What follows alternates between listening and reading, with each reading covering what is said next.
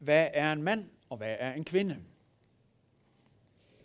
Og øh, vi skal starte med at lige hilse på en bestemt person, som hedder Conchita Wurst, hvis det siger noget for nogen.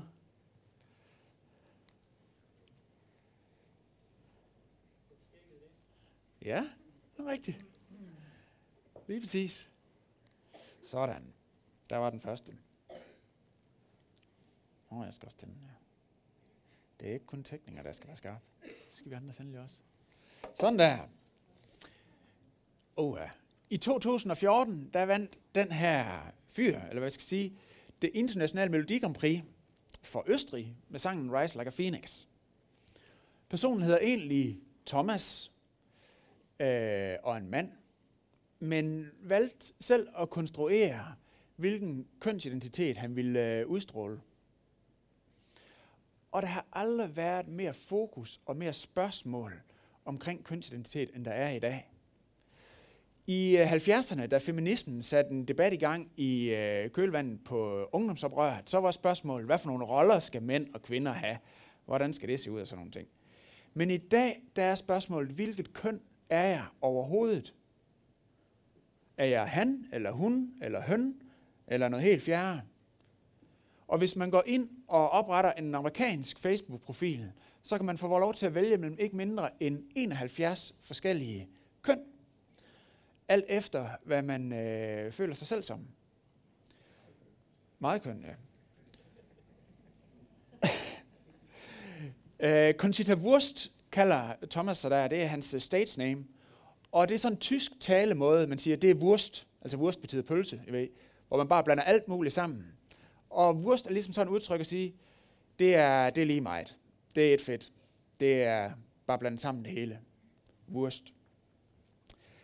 Samme år, som øh, Thomas vandt øh, det internationale Melodi Grand Prix, fik vi i Danmark loven om juridisk kønsskifte.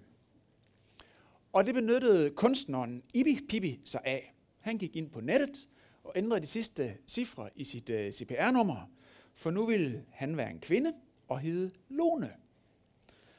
Og det er ikke, fordi der er noget galt med det navn, men altså, det der, der hvor det gik helt galt, det var en øh, tirsdag formiddag øh, i 2015, hvor Lone så bestemte sig for at gå i svømmehallen af alle steder i Viborg. Og gik ind i damernes omklædningsrum. Og øh, de damer, der var i gang med at tage bad, der var ikke øh, specielt overbevist om, at han var blevet til en kvinde. Så øh, de tilkaldte bademesteren, fordi at de synes, der var noget galt her. Og Ibi Pibi, han stod og viftede med sit øh, sygesikringskort og bedyrede, at han var en kvinde. Jeg ved ikke, hvor han holdt det henne, eller... Men øh, det gjorde han i hvert fald. Men bademester lå sig heller ikke overbevise og tildelte ham øh, handicap-baderummet. Og det blev Ibi Pibi meget sur over, for han var en kvinde, han var i hvert fald ikke øh, handicappet. Og øh, det kom der mange sjove skriverier ud af. Men det rejser jo også spørgsmålet, er vores køn noget, som er givet på forhånd, eller er det noget, vi selv konstruerer? Det er det ene spørgsmål. Det andet spørgsmål er, hvis det er noget, vi ikke selv konstruerer, hvad vil det så sige at være henholdsvis mand og kvinde? Det er de to spørgsmål, vi arbejder med i prædiken i dag. Og det første er jo så et forholdsvis enkelt ja-nej spørgsmål, er det noget, vi konstruerer eller ej. Men det andet spørgsmål, hvad vil det så sige at være henholdsvis mand og kvinde, er noget mere komplekst.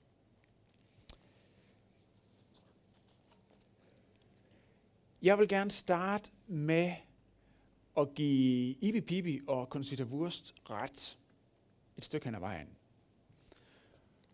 Og så sige, at der er noget i vores kønsforståelse, som vi selv konstruerer. Det er så for eksempel, hvis man siger sådan her, Jamen, øh, alle mænd går ind bare og drømmer om at have en øh, stor fed monster truck, ikke også, med flere tusind hestekraft, som man kan køre rundt i, og en stor tube, og øh, det vil bare være helt vildt fedt. Eller hvis man siger, jamen altså, øh, alle kvinder, de står hver morgen, og når de står op, så drømmer de om at tage sådan en uh, lyserød tyldskørt på, ikke også, som de kan gå rundt i og være ballerinaprinsesse hele dagen, ikke også, og så, øh, og så, øh, og så kan de gå rundt og skåle kartofler og sådan noget, ikke også. Det er,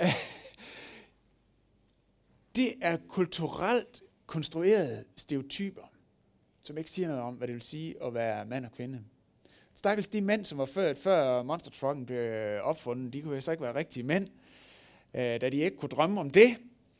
Eller hvad med de kvinder, som levede før vi importerede kartofler til Danmark i 1700-tallet. Det er simpelthen for useriøst at stille sådan en stereotyp op og sige, det er det her, det vil sige at være en rigtig mand eller en rigtig kvinde. Og det siger ikke noget om vores... Øh, det siger måske noget om vores kulturelle kønsroller. Men det siger ikke noget normativt omkring vores kønsidentitet. Lad os prøve at kigge i Bibelen. Der står sådan her. I første Mosebog, hvor de fleste af de ting, vi vil læse i dag, står. Gud skabte mennesket i sit billede. I Guds billede skabte han det. Som mand og kvinde skabte han dem. Det første, der er at sige om mennesket, er, at vi er skabt i Guds billede. Det siger om noget om vores humanitet. Det adskiller os fra dyrene. Og det siger, at vi er skabt til at have en relation med Gud. Og det er rigtig, rigtig vigtigt at få slået fast først. Paulus han skriver sådan her til de kristne i øh, Galatermenigheden. For I alle Guds børn ved troen i Kristus Jesus. Her kommer det ikke an på at være jøder eller græker, træl eller fri, mand eller kvinde. For alle er en i Kristus Jesus. Der er noget, der definerer os før vores køn. Og det er vores relation til Gud. Og det er vigtigt. Det er så vigtigt. Men derefter fortæller Bibelen, at måden, vi repræsenterer Gud på, har noget at gøre med vores køn. Er du skabt som mand, så udtrykker du på en særlig måde en maskulin side af Gud. Og er du skabt som kvinde, så udtrykker du på en særlig måde en feminin side hos Gud. Der er noget, vi hver især er givet, som vi udtrykker på en særlig måde. Og dit køn er ikke et tilfælde. Da du blev flettet sammen i din mors liv, da du blev formet i det skjulte, vævet i jordens dyb, som der står i salme 139, der lagde Gud noget ned i dig, som var mandligt eller kvindeligt. Dit køn er hverken et tilfælde eller noget, du selv konstruerer ud fra, hvad du lige føler. Dit køn er noget, som Gud har givet dig. Noget særligt, som han har givet dig. Noget, du er designet med. En del af Guds tanke for dig. Men hvad vil det så sige at være mand og kvinde? Noget ved vi fra biologien. Vi ved for eksempel, at mænd består af et X-kromosom og et Y-kromosom. Det kan vi sige med sikkerhed. Vi ved også, at mænds testosteron, testosteronniveau er højere end kvinder. Kvinder har også testosteron, men mænds niveau er højere. Derfor starter mænd flere krige. De starter flere slåskampe i skolegården. De bygger flere store broer. Og øh, der er flere mænd i øh, topposter inden for erhvervslivet, og der er flere mænd i danske fængsler, på grund af vores testosteronniveau. Og øh, jeg har hørt, at der var nogen, der talte om, at vi skulle have sådan nogle kvoter på, så der skulle være flere kvinder i topbestyrelser. Og, øh, men jeg har aldrig hørt nogen tale om, at vi skal have kvoter på, så der kommer flere kvinder i fængslerne. Men det er måske også meget, jeg ikke forstår. Øh, men øh, det er i hvert fald højere, vi har højere testosteronniveau. Og man ved også, at mænd gennemsnitligt er fysisk stærkere end kvinder. Og vi ved også, at mænd gennemsnitligt har bedre stedsans end kvinder. Det er ren biologi, det kan man måle og sige noget om. Og hvad ved vi så om kvinder? Ikke meget. og så går vi videre.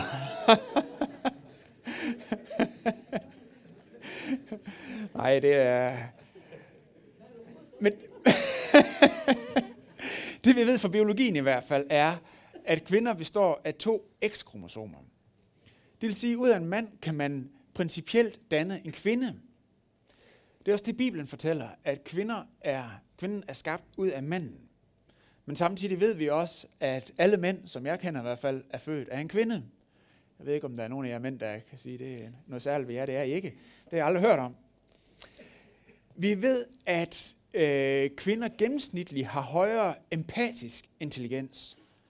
Altså det, at de gennemsnitligt er bedre til at sætte sig ind i andres situation og følelser. Vi ved også, at de gennemsnitligt har højere sproglig intelligens. Og vi ved, at de gennemsnitligt har en højere kompetence i forhold til tilknytning. Der er en hjerneforsker, der hedder Simon Baron Cohen, eller Cohen, Cohen.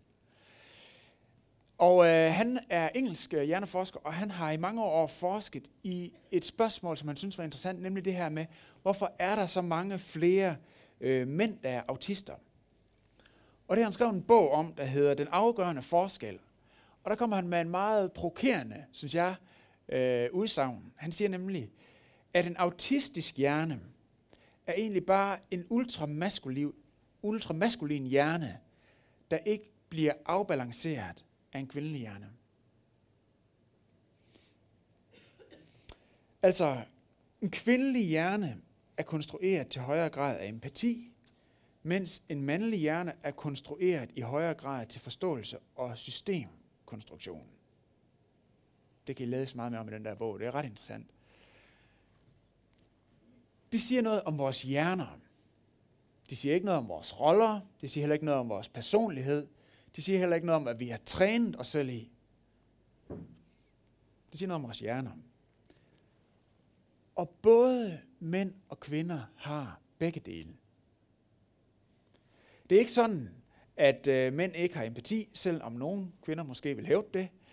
Det er heller ikke sådan, at kvinder ikke øh, har systemtænkning, selvom det vil forklare en hel del. Men det siger nærmere noget om, at for mænd, der er det maskuline en base, og det feminine et supplement. Og for kvinder er det feminine en base, og det maskuline et supplement. Så de fleste af os mænd vil kunne genkende, når der bliver sagt noget om det feminine, jamen det har vi faktisk også. Og lige sådan vil de fleste af kvinderne kunne genkende, når der bliver sagt noget om det maskuline. Jamen det er faktisk også en del af mig. Så prøv lige at vende dig til sidemanden og sige, hvis du er en mand, jeg er en mand, men jeg indeholder også noget feminint. Og hvis I er kvinder, så siger I ikke det, så siger I noget andet, som I selv kan. Prøv lige at vende jer til sidemanden.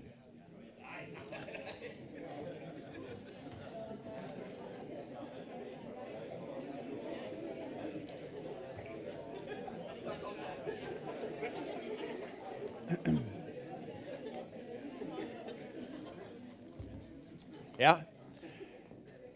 Jo mere, jo mere vi mænd hviler i vores maskulinitet, des mere plads bliver der til det feminine. Og det mere I kvinder hviler i jeres femininitet, jo mere plads bliver der til det maskuline. Og det er rigtig, rigtig vigtigt. Fordi hvis vi ser det sådan som en, en lineær ting, som her er det maskuline, her er det feminine, hvis vi kommer lidt for langt over den her side, så bliver vi lige pludselig feminine og løt, løt, løt, løt så bliver det sådan to modsætninger, som står i spænding til hinanden, og som der bliver kamp imellem. Og det er destruktivt. Vi skal i stedet for tænke det som et koordinatsystem, hvor det maskuline er på den ene linje, og det feminine på den anden. Jo mere der bliver af det ene, og jo mere der bliver af det andet, jo større bliver det samlede kvadrat. Jo bedre bliver det hele. Så vi skal bare give den gas. Og vi skal ikke, hvis, hvis en mand øh, en mand bliver ikke feminin, han bliver bare umaskulin, hvis det er. Og ja, man kan se. Det, ja, vi skal, øh, vi skal bare give den gas med formodighed i vores øh, respektive øh, identiteter. Det er jo biologien. Men hvad siger Bibelen om maskulint og feminint? Og det er noget af det, som jeg synes har været allermest spændende at arbejde med i den her prædikenserie. Og det lægger mig rigtig meget på sinde, når vi skal prøve at sige noget om et spørgsmål, som der er så meget øh, Øh, forvirring og fos omkring, at det vi får sagt, det ikke bare bliver en afspejling af det, som vi måske her i dag, i vores tid, med vores kønssyn kan blive enige om. At det ikke bare bliver en kulturel afspejling, men det bliver noget, der holder. Så jeg har virkelig øh, anstrengt mig for at komme uden om øh, stereotyperne. Og så vil vi prøve at dykke ned i noget her. Jeg læste før, Gud skabte mennesket i sit billede. I Guds billede skabte han det, som mand og kvinde skabte han dem. Det er faktisk lidt en upræcis oversættelse af det hebraiske. Fordi ord, der normalvis bruges om mand og kvinde øh, på hebraisk, er ish og ishar. Det er lidt det samme på øh, øh, arabisk. Hvis I har hørt øh, arabiske popsange, hvor de synger ishar, ishar. Men de ord, der bruges her, er øh, ikke noget, der betegner de biologiske han- og hunkøn, men noget, der beskriver kønnenes øh, identitet, og det er Zakar og øh, Nekibar. Det betegner nærmere indholdet af kønnene, altså det maskuline og det feminine. Og hvis man går ned i de ord og forsker i, hvad er baggrunden for de ord, så kan vi se, at for Zakar, som beskriver det maskuline, der ligger der egentlig i betydningen af det ord to ting. Dels det at huske, og dels det at gennemtrænge for at sætte et mærke eller en grænse. Og i ordet for det feminine, nakibar, det betyder egentlig gennemboret, eller noget, der er blevet åbnet, så man kan komme ind. Og det første, som man, eller som jeg i hvert fald uværligt kommer til at tænke på, det er, hvordan vi fungerer sammen i den seksuelle akt. Og måske så siger det også noget dybere om, hvem vi er som mænd og kvinder. Så lad os prøve først at kigge på det maskuline. I 1. Mosebog kapitel 2, vers 15 står der, at Gud tog mennesket og satte ham i Edens have, for at han skulle dyrke og vogte den. Og pointen her er ikke, at det er mændene, der helst skal passe køn, øh, køkkenhaven, for at alting er i den skønne orden. Så er der i hvert fald noget, vi skal have lavet om på hjemme ved os. Men prøv at lægge mærke til, at mand her står i ental. Det er altså før kvinden bliver skabt, før Eva bliver skabt. Og så står der videre. Men Gud, Herren, gav mennesket den befaling. Du må spise af alle træerne i haven, men træet til kundskab om godt og ondt må du ikke spise af. Og den dag, du spiser af det, skal du virkelig dø. For vi mænd, der er det en særlig opgave at huske. Huske, hvad Gud har sagt. Huske, hvad der er sandt. Og sætte et mærke, eller trække en grænse ud fra det. Det var en opgave, Gud gav til manden. Lad os prøve at se på, hvordan Jesus udtrykker det. Et sted i øh, Lukas evangeliet kapitel 14, der står der, at Jesus han er vildt populær. Han har masser af opmærksomhed, masser af followers. Han går rundt op i Galilea og er følger store skare efter ham. Og så på et tidspunkt, så vender han sig om og siger, den der ikke bærer sit kors og går i mit spor, kan ikke være min disciple. Og de tænkte ikke på et eller andet religiøst, når han sagde kors. De vidste godt, det er det, romerne henrettede folk på. Med andre ord, så siger Jesus, ved hvad folkens, det er super fedt, I er med her. Men I skal være klar over, at det her det er ikke bare en picnic, hvor jeg tager rundt og holder nogle fede friluftsmøder her i Galilea, men vi er altså på vej til Jerusalem. Og det kommer til at koste mig livet. Det her, det koster noget. Det er ikke en picnic, det er en ekspedition. Og hvis I vil med, så skal I være klar til at betale den højeste pris. Det koster noget. Og så siger han faktisk, ellers kan jeg lige så godt gå hjem med det samme. En meget tydelig og maskulin Jesus, vi møder her, som siger, det er det her, der er retningen. Et andet sted, så er han øh, på besøg hjemme hos Martha Maria i Betania. Og øh, de her to søstre. Og Martha, hun har mega travlt. Hun tænker, wow, det er Jesus, der er her. Det er den her celebrity. Og så skal hun bare vise, hvad huset formår. Det er ligesom øh, øh, ældre kvinder i Sønderjylland, der skal bare lave sønderjysk kaffebord. Sådan er mellemøstlig øh, gæstfrihedskultur. Og hun fiser rundt og skænker kaffe op og laver snacks. Der er sunde snacks, der er fedtfattige snacks, og der er hjemmelavede snacks. Og hun er mega travl. Og så begynder hun at hakke på hendes søster Maria, som slet ikke er øh, stresset nok, synes hun. For hun er slet ikke øh, lige så travlt som Martha. Og så siger Jesus til hende, hey Martha, det er okay. Slap af. Jeg er her. Og det er det vigtigste, Martha. Du behøver ikke at have så travlt. Jesus, han bryder igennem til, til Martas hjerte og minder hende om, hvad der er det vigtigste. Sætter et mærke, sætter en grænse, så Martha hun kan trives og slå af og nyde det, der er det vigtigste. Det er en maskulin Jesus. Lad os prøve at kigge på det falsk maskuline.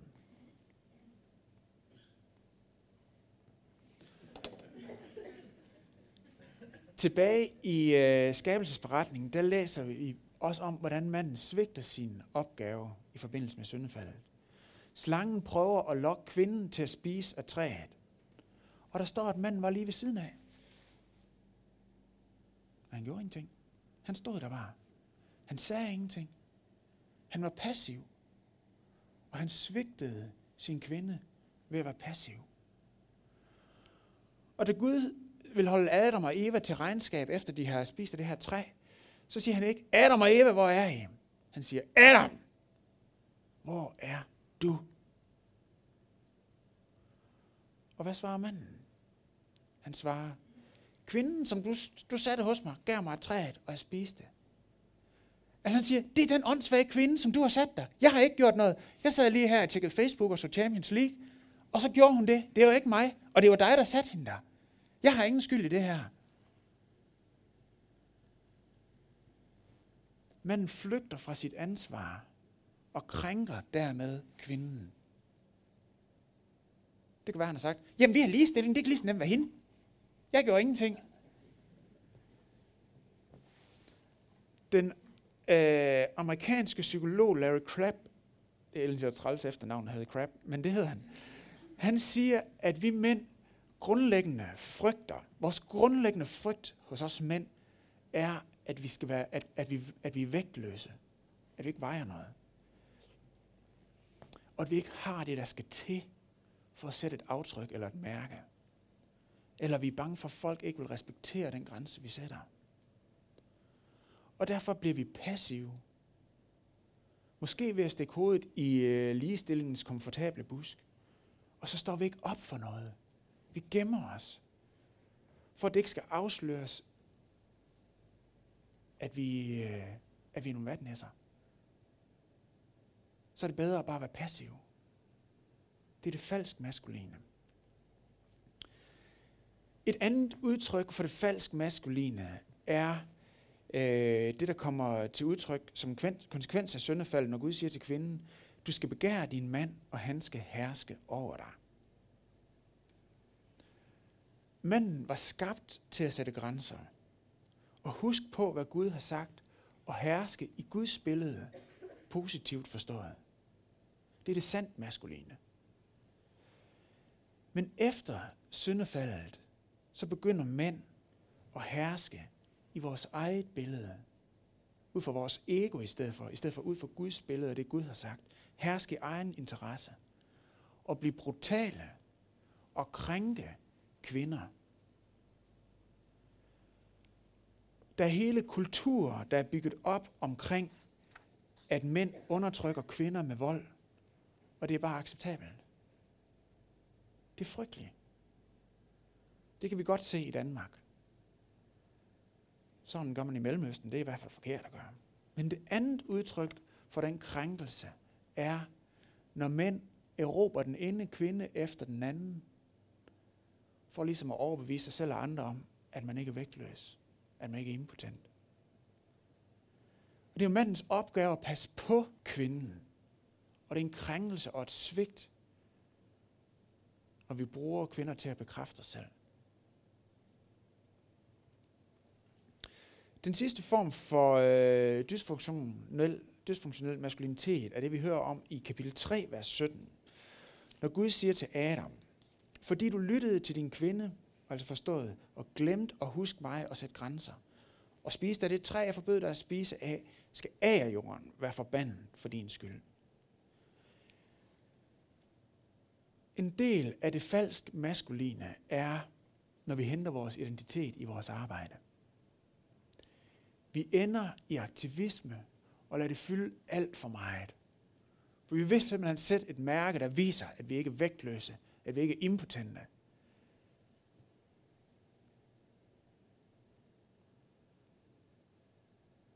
Men kære mand, kære med mand, vi må ikke svigte den her opgave, vi har fået. Vi må ikke svigte vores ansvar og lade frygten skubbe os ud i det dysfunktionelt maskuline, i det falsk maskuline. Hverken at ende i øh, aktivitet eller aktivisme og blive sådan Frank Underwood fra House of Cards, eller ende som passiv mænd, ligesom uh, Onslow fra Mrs. Tyson. Og det kan godt ske, og jeg snakker med mænd, der siger, jamen når jeg prøver derhjemme og sætte et mærke eller et eller andet, så er det ligesom om min kone, hun giver mig et ordentligt dask, og det gør lige så ondt, som hvis jeg havde fået det over kønsdelene. Til dig, mand, vil jeg sige, det kan også ske, du en gang imellem oplever, at din kone hun er strid. Det kan også godt ske, at øh, hun er det engang imellem. Men det er dig, der er manden. Stadigvæk dit ansvar at være mand. You're the man. Det er ingen undskyldning. Og hvis en kvinde skulle kunne udleve sin femininitet, så kræver det maskuline mænd, der husker, hvad Gud har sagt, og tør at sætte et mærke.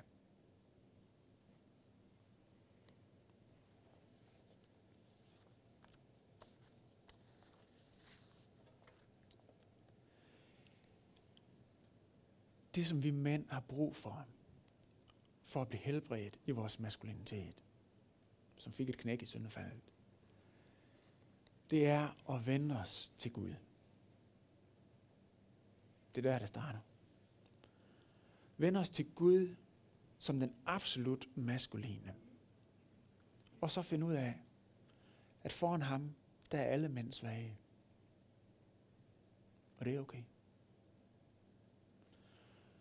Der står masser af tekster i det nye testamente om øh, genoprettelsen af den øh, mandlige og den kvindelige kønsidentitet. Fordi Gud han vil genoprette det, der gik tabt i syndefaldet. Og et af stederne, det er 1. Timotius brev, kapitel 2. Og faktisk så står der der en sjov ting. Der står, og det har jeg først tænkt på, efter jeg har lavet den her prædiken, at Paulus siger, jeg vil, at alle mænd alle steder skal bede med fromt løftede hænder. Og det er ikke fordi, at vi skal favorisere det karismatiske, men jeg tror bare, der ligger noget dybt afgørende i det der med, at vi mænd, der er et sted, hvor vi kan gå på knæ og vide, at der er en, der er over os. Der er en, der er absolut maskulin. Der er et sted, vi kan være den svage, og det er okay. Jeg tror, det er så vigtigt for helbredelsen af vores maskulinitet. Og Gud siger til os mænd, ligesom han sagde til Jesus, da han blev døbt, du er min elskede søn. Du er min elskede søn. Og der er jeg fuldt ud tilfreds med. I den hverdagsdanske står der, der er jeg stolt af. Vi har brug for at høre det fra en, der er sejren os selv. You're the man. Der er jeg stolt af. Det er så vigtigt. Og så skal vi som kirke forkynde. Du er en mand. Du er en mand, og gå ud og være det i Helligåndens kraft. Og så er det ligesom med alt muligt andet, som Gud er i gang med at genoprette i os. Vores fred, vores frelsesvidshed og så videre, og så videre. Det er stykkevist. Det er ikke bare sådan, bum, så er det der fuldt ud. Men det er stykkevist, og det må vi gå i. Det må vi have formodighed til. Så lad os prøve at kigge på det feminine. I øh, kapitel 2, vers 18, siger Gud Herren, det er ikke godt for mennesker at være alene. Så det er altså manden, han snakker om. Vi har ikke, vi har ikke godt at være alene. Og så siger Gud, jeg vil skabe en hjælper, som svarer til ham. Det ord, der bliver brugt her på hebraisk, er ordet asær. Og det eneste andet, det ord bliver brugt til i det gamle testamente, er at beskrive Gud. For eksempel når der står i uh, salme 70, det er en bøn, der lyder sådan her, jeg, jeg, jeg er hjælpeløs og fattig. Skynd dig at komme til mig, Gud, for du er min asær, du er min hjælper og befrier. Tøv ikke, Herre. Der er altså intet mindre værdigt i at være sær, så vil Gud ikke har brugt det udtryk om Gud. Eser er udtryk for, hvem Gud er. Og det er et udtryk, som I kvinder bærer på en særlig måde. I kvinder er af, eller skabt til at afspejle netop den side, at Gud er min hjælper. Han er den, der ser behov og nød og handler på det. Lige her sidste, øh, sidste gudstjeneste, vi havde, så kom Kirsten hen til mig bagefter gudstjenesten, og så sagde hun, det, vi havde det der med de forskellige kapitaler, og hvad man var gode til hvad, så sagde hun, du skal lige være opmærksom på, at der var en, der sad alene dengang, man skulle snakke sammen og sådan noget. Og det var, ja, det er rigtigt. Vi havde også set det, men det er så godt, at der er nogen, der ser det. Der blev vi suppleret. Det er så vigtigt. Det, øh, vi skal ikke have det der billede på nu i hvert fald. Det hebraiske ord nakibar, som vi talte om før, udtrykker det feminine. Og det betyder en, der er åbnet. En, der inviterer ind. En, der viser tillid og sårbarhed. Nakibar. Og det sandt feminine afspejler sig ofte i mødet med det maskuline. I skabelsesberetningen står der, at da Gud havde formet kvinden, så førte hun ham til manden, kapitel 3, vers 2. Og øh, Adam han lå på det her tidspunkt og sov øh, middagssøvn. Jeg tror faktisk, det er noget af det mening, alle mennesker er. Det øh, prøver jeg at se, jeg kan ikke lave en teori om. Nej, han lå og sov middagssøvn. Og øh, de havde jo ingen tøj på på det her tidspunkt, så han ligger der nøgen og sover middagssøvn. Og så da han slår øjnene op, så ser han den nøgne Eva komme gående hen imod ham. Og hvad sker der så? Adam han springer op, som alle mænd gør, når middagssøvnen er slut. Og så, og så bryder han ud i hyldesang og pris til Eva, som han ser kommer gående hen imod sig. I glæde og begejstring over det smukke, han ser. Og prøv at lægge mærke til, hvad det er, han gør. Han spejler kvinden. Han spejler hende. Ifølge Bibelen, så er der noget hos jer kvinder, som længes efter at blive spejlet af en mand. Længes efter at blive beset, set og blive bekræftet af manden. Og få at vide, at man er smuk. Så derfor, hvis vi kigger på det falsk feminine, så er kvindens største frygt, det er også frygt, der leder til, jeg kører helt ud på et sidespor der, det er, at hendes åbenhed bliver afvist. Det er traumatiserende. At der er ikke nogen, der ser hendes skønhed og lægger mærke til hende. Og efter syndefaldet, så leder den frygt til falsk øh, femininitet, hvor kvinden lukker i som en østers. For ikke at blive såret. Der står om et tidspunkt, hvor Gud han siger, at om kvinden hun skal hedde Eva, fordi hun giver, øh, hun, skal, hun, skal, hun giver liv til alt levende. Og der er virkelig noget, altså en ting er, at vi mænd, vi kan ikke føde børn, men også sådan bare den dynamik, der er, når der er en kvinde i teamet, eller der er noget liv, som vi mænd ikke kan give. Det er svært at sætte ord på. Men der er noget liv, som I kvinder bringer ind på en særlig måde. I giver liv ind i en situation. Der er noget, noget over det. Og hvis, hvis en kvinde lukker til, så er det ligesom, hvis man lukker til fysisk, så kan man ikke give liv. Så kan man ikke ja, blive frugtbar og give liv. Og i kapitel 3, vers 16b, står der sådan her, som konsekvens af syndefald, så siger Gud til kvinden, du skal begære din mand. Og det, der taler om her, det er ikke seksuelt begær, men magtbegær.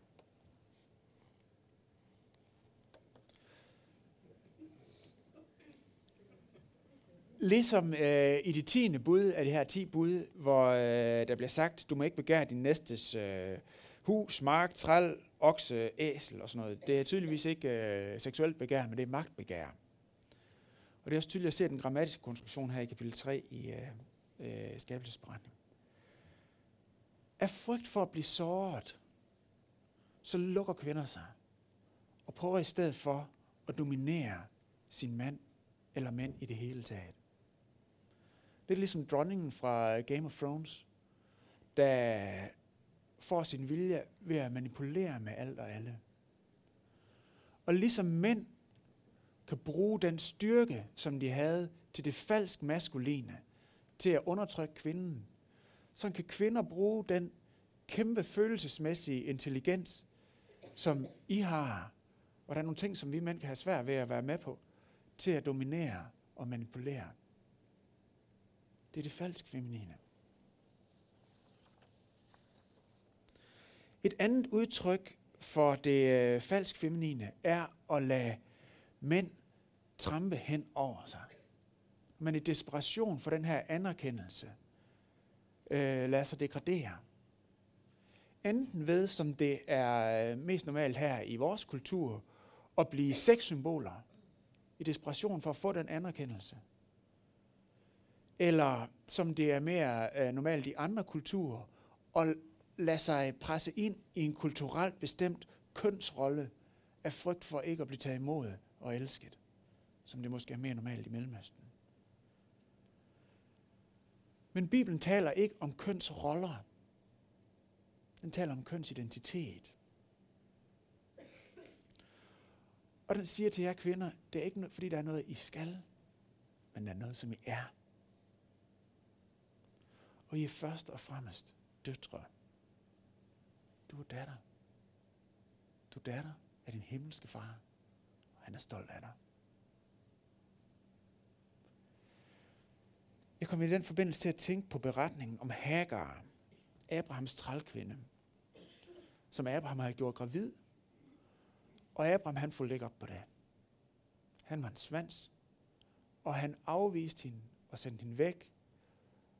Og han, da han skulle have stået op for hende og beskyttet hende, så gjorde han, ah, jeg ser lige Champions League. Og Hagar, hun var totalt fortvivlet. Der står faktisk, at hun, øh, der står, hun læser under en gul busk, og det var der øh, giftige slanger samlede Så hun var, hun var, øh, hun var suicidal. Hun var klar til at tage sit eget liv. Hun var så fortvivlet, fordi at den mand, som hun havde vist tillid, havde svigtet hende. Og så står der, at Gud møder hende. Og som reaktion på det møde, så siger Hagar, har jeg virkelig på det her sted set ham, som ser mig? Har jeg set ham, der ser mig? Er, der, er jeg virkelig blevet set? Er der virkelig en, der, der vil tage hånd om mig og beskytte mig? Er der en, der har set min skønhed og står op for mig? For at kunne gå ud i verden med åbenhed som hjælpere og som frie kvinder, der hviler i jeres sande femininitet, så må I kvinder møde ham, som ser jer. som er jeres hjælper.